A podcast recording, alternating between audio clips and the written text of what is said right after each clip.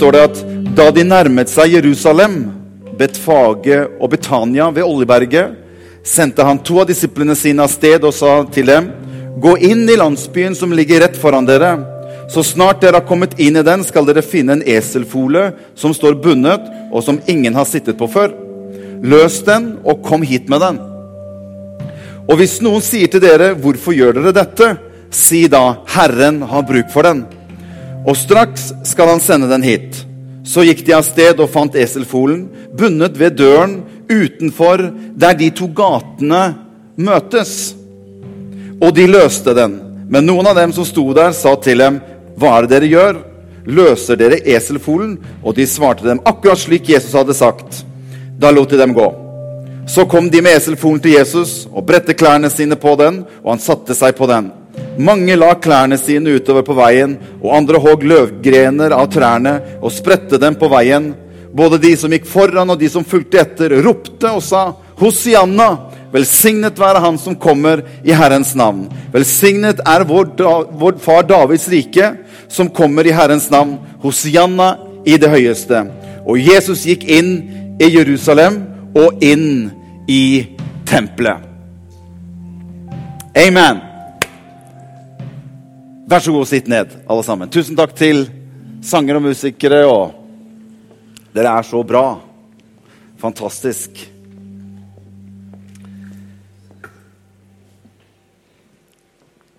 Jeg har bare lyst til at vi skal eh, også, før vi, før vi, går inn i det som jeg skal dele, bare at vi husker på Det ble hvisket meg i øret her at det faktisk det sprengte en bombe i dag tidlig også, i, i Egypt. Eh, mot en kirke i Egypt hvor eh, så langt var det 15 mennesker som var drept. Og, eh, og eh, det, det, det, det, liksom det Du kan liksom ikke gå en dag lenger uten at ting skjer rundt deg hele tiden. Og det er eh, Det blir bare mer og mer forferdelig. Og, og jeg, jeg, merker på meg sjøl at jeg, liksom, jeg, jeg, greier liksom ikke helt å absorbere alt som, som skjer. Men, eh, men, det er altså så mye grusomt som, som skjer rundt oss. Og, og, vi skal huske på de som, som, blir rammet av dette også i, nede i Egypt. Så far, vi bare ber deg for hver eneste en som er berørt av det som har skjedd også i Egypt i dag tidlig, Herre. Ber for alle familier, ber for alle som, som, som får dette tett innpå, Herre. Vi bare ber om din styrke over dem, Herre. Vi ber om at du skal holde din fred over det, Herre. Din, din, så ikke hat kommer opp, så ikke mennesker reagerer ut ifra hat og hevntanker, Herre. Vi bare ber om vi legger det her framfor deg, Jesus. Vi ber om fortsatt fred, Herre. Vi ber om fortsatt fred over de områdene der. Vi ber om fortsatt fred over Midtøsten. Vi ber om fred for Jerusalem, Herre. Ber om at din fred, du som er fredsfyrsten, Herre, kom. Kom med din fred, Herre, som aldri før. Det ber vi deg om, Jesus. I Jesu navn. Amen. Amen. Er dere klar for å høre litt Guds ord? Vi som ikke er på fjellet, og som ikke misunner noen av de andre som er på fjellet. Vi som er her og skal være i Guds hus. Det er veldig veldig bra. Eh, Palmesøndag Palmesøndag er eh, Jeg blir mer og mer fascinert av Palmesøndag, egentlig. Jo mer jeg sitter og leser litt og, og, og, og eh, går liksom inn i materien, så, så er Palmesøndag egentlig utrolig spennende. Palmesøndag er på en måte inngangsporten til, en måte, til hele det avsluttende kapittel for hele Det gamle testamentet, hele den gamle pakt. Palmesøndag er liksom inngangen til den siste og mest viktige uke i hele historien. Det er denne uken her alt skal skje. Det er denne uken her Jesus virkelig har på sine skuldre et enormt ansvar. En enormt stor byrde ligger på hans skuldre idet han går inn i den siste uken etter palmesøndag. Og jeg skal si bare litt om, eh, det litt etterpå. Men det er dette Jesus kom for. Det var dette profetene opp gjennom Gamle testamentet hadde profetert om. Det var dette alle ofringene opp gjennom Det gamle testamentet pekte inn imot. Og her kommer Jesus, palmesøndag. Og han gjør en del ting også på denne dagen her som er litt interessant og som er litt spennende å, å, å se på, som jeg har lyst til at du skal, skal få med deg. For du skjønner, han har ganske mye han skal få på plass. Det er ganske mye som skal falle på plass i løpet av den uka. Altså, han har holdt på i tre år. Han kunne jo blitt tatt uka før palmesøndag. Altså, han hadde gjort en del ting allerede som skulle tilsi at vi har nok hva skal vi si, problemer med denne såkalte Guds sønn, som går rundt og skaper ganske mye forvirring i leiren vår. Så timingen til Jesus oppimot hele Det gamle testamentet og skulle få oppfylt alt sammen, det er ganske spesielt. Hvorfor tar de ikke han 14 dager før her, eller to måneder tidligere? Men han har peilet alt inn. Det er som Egon sier, nøye planlagt. Nå gikk det ikke så bra med Egon alltid, da, så Jesus var litt flinkere til å planlegge litt enn det Egon var. Men dette var nøye planlagt, dette var nøye lagt til rette, og Jesus er på vei inn. Helt siden Edens hage. Når mennesket ble stengt ute fra Edens hage, hvor Gud hadde hatt fellesskap med mennesket, og mennesket spiser av dette treet, av kunnskapens tre. Og Gud sier at dere kan ikke lenger være i fellesskap med meg her inne. Dere kan ikke, etter at dere har valgt meg bort ifra det jeg har bedt dere om, så kan dere ikke lenger ha tilgang til livets tre, som er i Edens hage. For hvis fallet er et faktum, og dere likevel har tilgang på livets tre, så vil dere ha tilgang til det dere ikke kan ha tilgang tilgang i den forvaring dere er nå. Jeg er nødt til å skille dere bort ifra å ha tilgang på livets tre. Dere må ut av Edens hage. Dere kan ikke lenger være, komme og spise av livets tre. Og fallet er et faktum. Og Gud kan tenke som så Ok, kanskje jeg må bare erkjenne det som har skjedd. Eller jeg kan prøve å gjøre noe med det.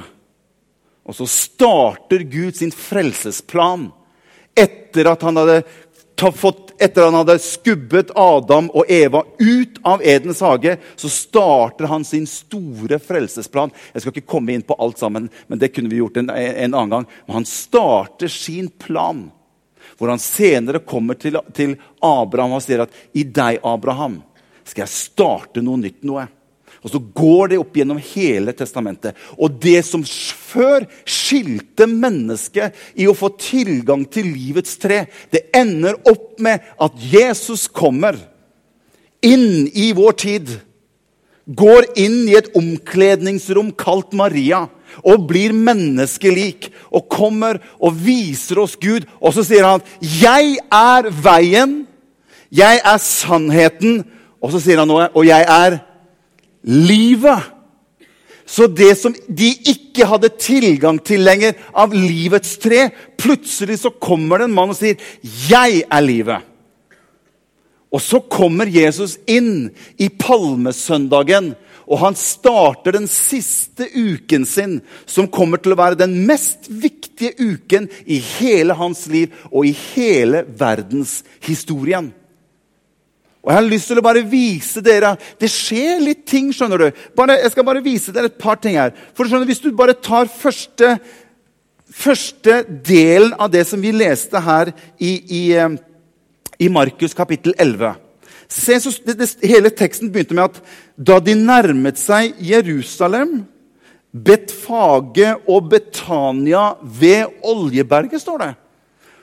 Og du skjønner, Noen ganger så kan det sånne små opplysninger gjøre at man kan bli litt nysgjerrig. Hvorfor står det på hvilken måte Jesus kommer inn i Jerusalem? Dere som kanskje kjenner geografien litt, vet at Betfage og Betania ligger på østsiden av Jerusalem, sammen med Oljeberget. Hvis du går til profeten Esekiel Jeg tror jeg også har det på, på, på skrift på, for å se på skjermen. Hvis du går til profeten Esekiel så sier Skal jeg bare vise dere noe her som, som kanskje du ikke har sett før. For skjønner, Profeten Esekiel han sier noe veldig interessant nå i kapittel 10. Profeten Esekiel kommer med en slags dom over tempelet på den tiden. Fordi du ser helt klart ifra Markus når Jesus rir inn, så ser du at det virker som at han kommer inn fra østsiden og inn i Jerusalem. Og i profeten Esekiel så profeterer Esekiel en slags dom over tempelet som egentlig omhandler om hvordan herligheten som var i tempelet på den tiden, hvordan herligheten flyttet seg vekk ifra tempelet. Og Det skriver Esekiel. Han sier her i, i vers 17 så står det Så gikk Herrens herlighet bort fra dørterskelen til huset og ble stående over kjerubene. Kjerubene løftet vingene sine og steg opp fra jorden fremfor øynene mine. Da de gikk ut, var hjulene med dem. Og så står det de ble stående ved døren til ser du hva det står for noe? Østporten i Herrens hus. Og Israels, Guds herlighet, var der oppe over dem. Like etterpå så leser du hvordan det står at og Guds herlighet hvilte etterpå over Oljeberget. Så Esekiel skriver og profeterer hvordan Guds herlighet fjernet seg vekk fra tempelet, ut på østsiden, hvilte over Oljeberget en liten stund, og så var herligheten borte ifra tempelet. Som var det stedet hvor Guds ånd skulle hvile. Men så kommer Esekiel litt senere ut, i kapittel 43. For Så begynner Esekiel å profetere at men en dag så skal det skje noe. skjønner du, sier han. Og Se hva han sier her. Deretter førte han meg til porten, den porten som vender mot øst. Og se Tenk deg å se Israels, Guds herlighet kom fra øst. Hvor er det Jesus kommer inn når han kommer på palmesøndag inn i Jerusalem? Han kommer fra østsiden, fra Betfagesiden, fra, Betan, fra Oljebergsiden. Kommer han inn hans røst var som lyden av mange vann, og jorden skinte av hans herlighet. Det så ut som det synet jeg hadde sett, som det synet jeg så da jeg kom for å ødelegge byen. Synene var som synet jeg så ved Kebar-elven. Og, og jeg falt på mitt ansikt. Herrens herlighet kom inn i huset gjennom porten som vender mot øst. Fantastisk! Er dere her, eller? Er dere helt, helt slått ut?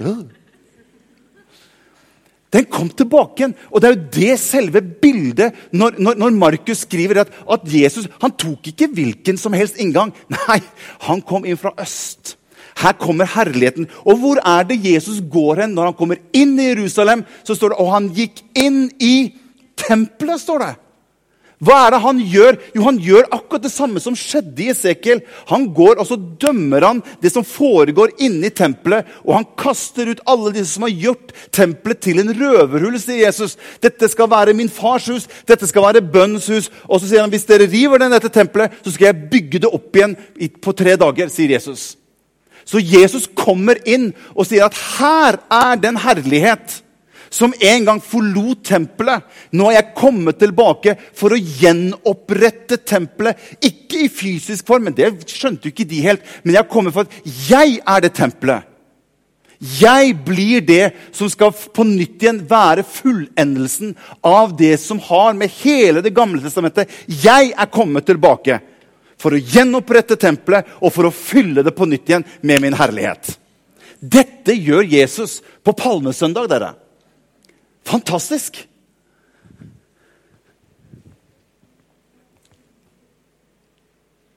De hadde, jo, de hadde jo lagt ned palmegren. En annen, bare en sånn annen ting også. I Sekaria det her kjenner mange av dere til. I Sekaria der står det fra kapittel 9 og vers 9 står det, Se, din konge kommer til deg.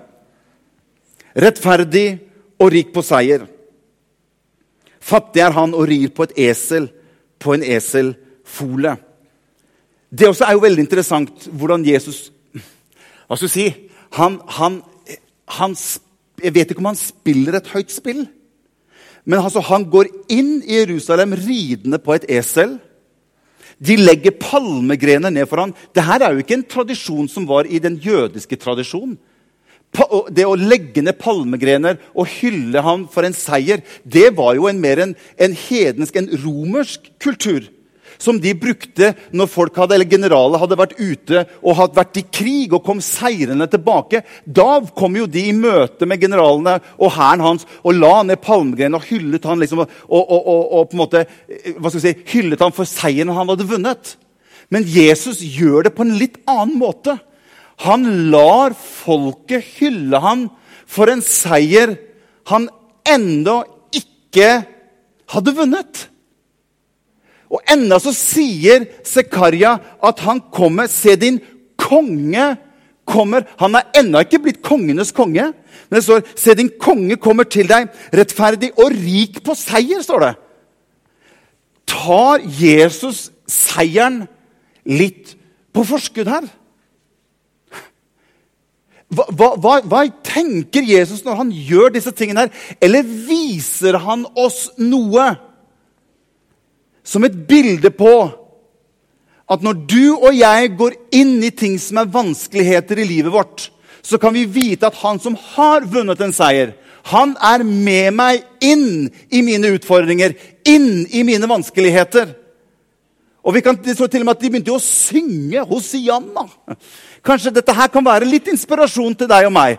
Når vi går inn i ting som synes vanskelig, og ikke bare alltid gå under, men kjenne at nå går jeg faktisk over, og jeg kan være med å hylle Jesus som konge. Selv om min situasjon ikke ser så bra ut enda, så er han min seierherre. Han kommer, han er i meg, og han er rik på seier. Ja, det var bra. Der fikk jeg et, det var veldig bra.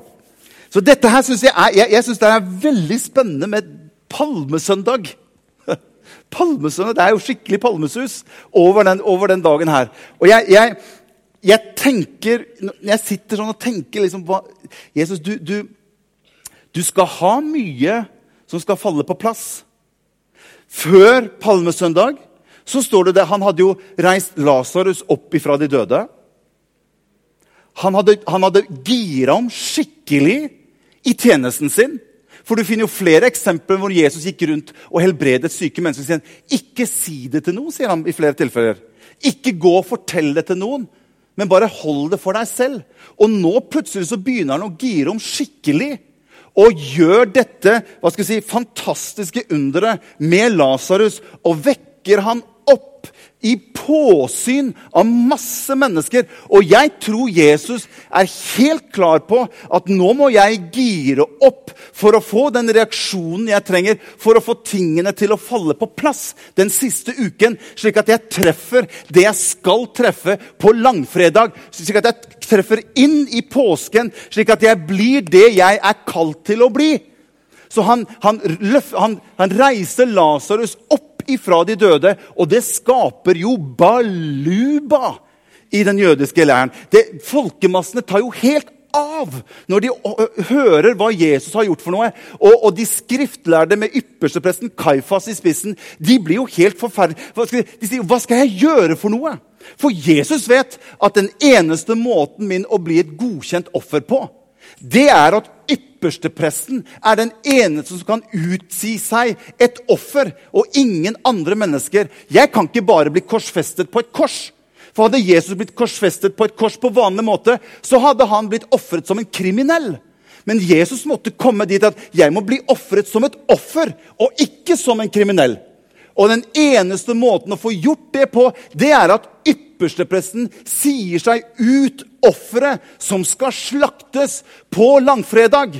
Og det er bare ypperstepresten som kan gjøre det. Ingen andre. Pilatus kunne ikke gjøre det. Det var kun én mann, og det var Kaifas. Og når Jesus gjør dette underet med Lasarus, så virker det som at han bruker det som en katalysator, som en vei inn for å få den reaksjonen i det jødiske folk, slik at han vet nå får Kaifas og de et skikkelig problem. Og så står det at Kaifas han samlet sammen mennene sine og sa vet du hva, vi har en stor utfordring med han fyren her. Hvis ikke, hvis ikke vi fjerner han, så, så, så, så, vet ikke jeg hva vi skal gjøre for noe. Og så sier Kaifas det er bedre at vi tar én og ofrer han, istedenfor at vi alle dør. Der flyttet Kaifas Jesus fra å dø som en kriminell til å bli et offer. Han uttalte sine ord. Det er bedre at vi ofrer han på vegne av oss alle, i stedet for at vi alle dør. Og Det er det Kaifas som gjør. Og Jesus, jeg tror han vet at gjør jeg dette her nå, så blir det et springbrett inn for å få den reaksjonen, for å komme på korset som et offer. Det er fantastisk. Det er fantastisk hvordan hele denne historien opp igjennom, via palmesøndag og inn i neste uke, så treffer Jesus Han treffer så blinkskudd. Kom tilbake neste ikke fredag, men neste søndag.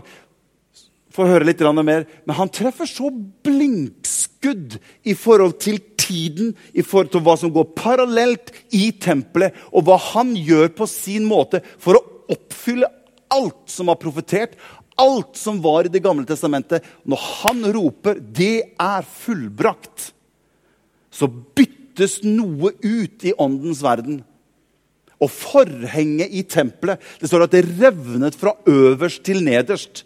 Det som nå skilte mennesket for å få kontakt med livets tre, blir nå åpnet opp. Og hvem er døråpneren? Det er Jesus Kristus. Han er den som åpner opp en ny vei. Ikke i første omgang for at Gud skulle få lov til å kunne komme ut, men for at vi som mennesker skulle få lov til å kunne komme inn. Amen? Og disse ting matcher, disse ting synker Jesus opp hele veien fra palmesøndag. Wow! Jeg lurer på om han hadde puls. Det skulle vært artig å ta pulsmåleren på Jesus på palmesøndag. Bare sånn pulsbelte og så klokke skulle fylle med pulsen hans. Om han er i rød sone noen ganger. Men, men, Han kommer litt i rød sone på langfredag. Men han, han, han, han, Jeg vet ikke om han var stressa over dette, eller om han var komfortabel. Jeg vet ikke, Men jeg tror det er en side ved Jesus som du ser litt senere. som jeg kan komme inn på i dag. At dette var en kamp for Jesus også. Dette var en utfordring for han til å få gjennomført. Henger dere med? Halleluja. Hva Jesus har gjort for oss. Oi, oi, oi. Men jeg har skrevet her Midt oppi dette Nå kommer jeg litt til liksom det jeg har lyst til å bare dele kort med dere. før jeg gir meg. Midt oppi dette, alt dette som skjer, så greier Jesus å tenke på et esel som er inne i Jerusalem. Det skjønner ikke jeg. Oppi alt dette som skjer, så tenker Jesus på et esel inne i byen Jerusalem. Og jeg har lest den historien her om igjen og om igjen. og om igjen. Tenker, Jesus, hva i all verden er det som får deg til å plutselig skal tenke på et esel? Hva er det du vil, hva, hva er det du vil si oss med det du gjør. Én ting er på en måte noe av oppfyllelsen av profetien, men det er mer som skjer her. Og det er noe av det som jeg har bare lyst til å dele med deg av det som skjer på palmesøndag. Fordi at Jeg vet ikke om du kan jeg vet ikke om du kan få opp det skriftstedet eh, fra Markus kapittel, eller, kapittel, vers 4 i, i, i kapittel 11, vers 4. For det står at Jesus sender disse disiplene inn i Jerusalem for å hente dette eselet. Og så står Det noe interessant. Det står ikke i den norske oversettelsen, men det står i King James-oversettelsen. Jeg liker å lese litt King James.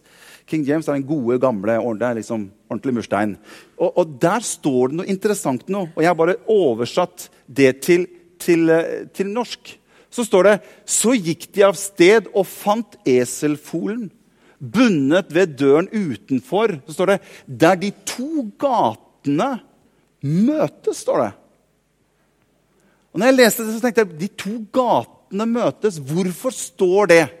Ja, jeg vet ikke hvorfor det står, for å være helt ærlig. Men det er noe i teksten her som når jeg sitter og leser, så er det annet som dukker opp. Hva er dette et bilde på? For Jesus ber dem å gå, og så sier han 'løs folen'. Og så sier han, 'Og bring eselfolen til meg'.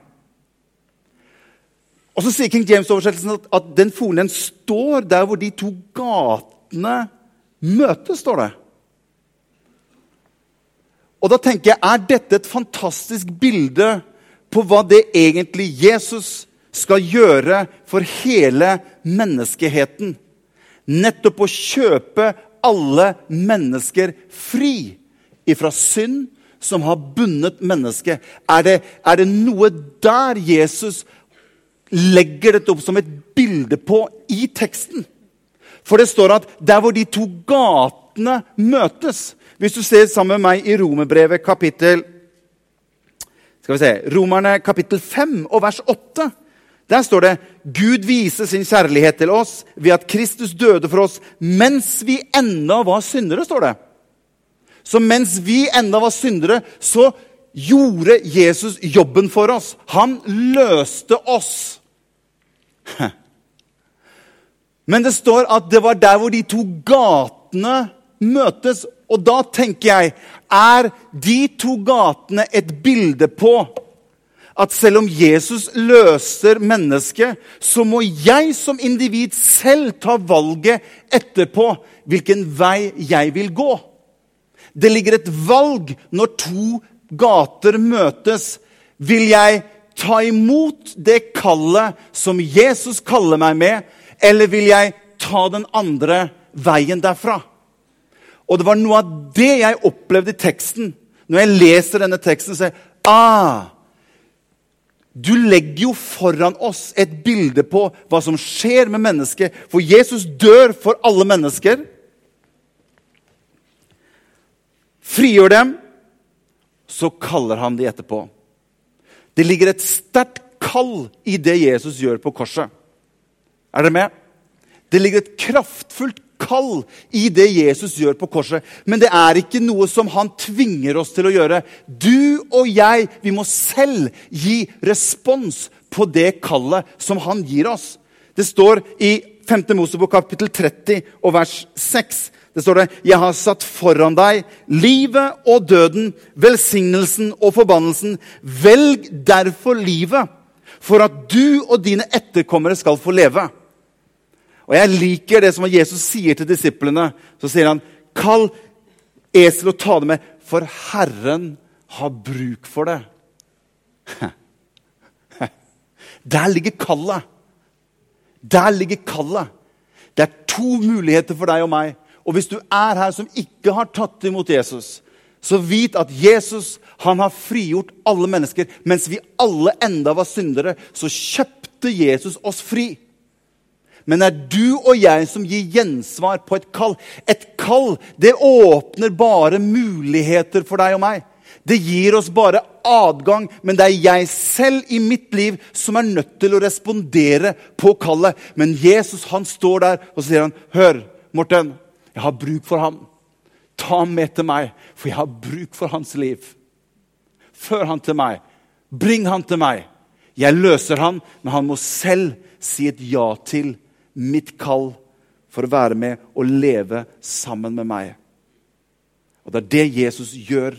Det er det han kommer til å gjøre noen dager senere, på langfredag. Det er å kjøpe alle mennesker fri. Og ut ifra korset så står det et fantastisk kall til andre mennesker. Kom til meg. Kom til meg, for jeg har bruk for ditt liv. Kan vi ikke reise oss opp alle sammen? Og Så kommer lovsangerne fram hit, og så synger vi litt sammen. Halleluja. Thank you, Jesus.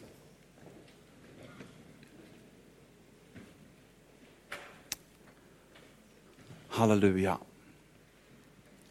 Halleluja. Glory, glory. Å, Jesus, jeg priser deg.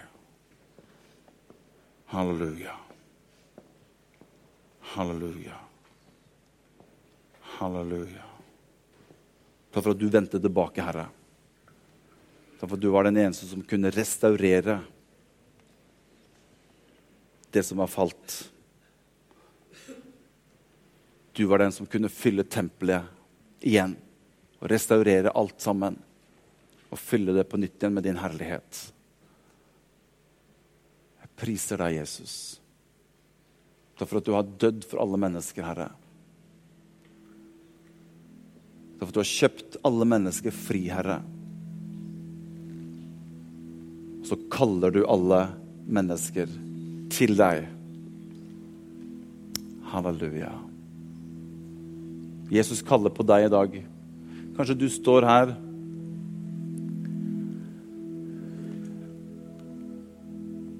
Og du har kanskje ikke tatt en ordentlig bestemmelse for Jesus. Kanskje ikke du har eh, sagt et ordentlig ja til Jesus i, i ditt liv, i ditt hjerte. Så kjøpte Jesus deg og meg fri. Men det er du og jeg selv som må ta en avgjørelse å velge det Jesus har gjort for oss. Det valget er ditt, og det valget er mitt. Men det står der, og det er tilgjengelig for deg og meg. Så mens vi står her, så har jeg bare lyst til å spørre Hvis det er noen her i dag som kjenner at jeg, jeg trenger å gi et respons, jeg trenger å gi et gjensvar på det kallet fra Jesus Hvis du er her i dag, så har jeg lyst til å Du skal bare løfte opp en hånd. Hvis du er her og sier at jeg trenger å gi et gjensvar på det kallet som Jesus har for mitt liv. Hvis du er her som kjenner at dette er noe som treffer deg, så har jeg bare lyst til å gi deg en anledning til det. Og gi et gjensvar på det. Du kan få lov til å løfte opp en hånd. Er det noen? Jesus. Bare løft den opp sånn at jeg kan se den. Kanskje alle har gitt et gjensvar til, til dette kallet. Halleluja. Halleluja, Jesus. Thank you, Jesus. Halleluja. Jeg har også bare lyst til å utfordre deg, du som kjenner Jesus, som har sagt ja til Jesus i ditt hjerte. Men bare fortsett å si at Jesus har bruk for deg. Det ligger et kall, et sterkt kall i korset. At du og jeg kan få lov til å gi vårt liv til ham, og han kan få lov til å bruke oss som han gjorde med denne eselfolen. Som brakte han inn i Jerusalem og kunne få lov til å være med og stå i tjeneste og bringe Jesus fram. Gjøre han kjent. Det er ingen som er uverdig. Det er ingen som er dårlig. Og så dårlig at ikke Jesus kan bruke oss. Jesus kan bruke oss alle sammen. Han kan bruke deg og meg i det kallet. Halleluja. Så ikke gå rundt og føle at ikke du kan det, eller at ikke du har en sterk nok tjeneste, eller Jesus han roper på deg. Så sier han, 'Tom, kom. Harald, jeg har bruk for deg.' Sonje, jeg har bruk for deg. Lea, jeg har bruk for deg. Torunn, jeg har bruk for deg. Så videre. Halleluja. Halleluja. Thank you, Jesus. Herre, bruk meg. Herre, bruk meg. Kan vi ikke bare ta ett minutt, så står vi litt i Guds nære, så kan du få lov til å si, Herre, takk for at du har kalt meg, og jeg ønsker å være en som du kan bruke. Bruk meg, Herre. Jeg kjenner at du kaller på livet mitt. Halleluja. Herre, her er jeg. Send meg. Bruk meg, Herre. Jesus, Jesus. Halleluja. Mm.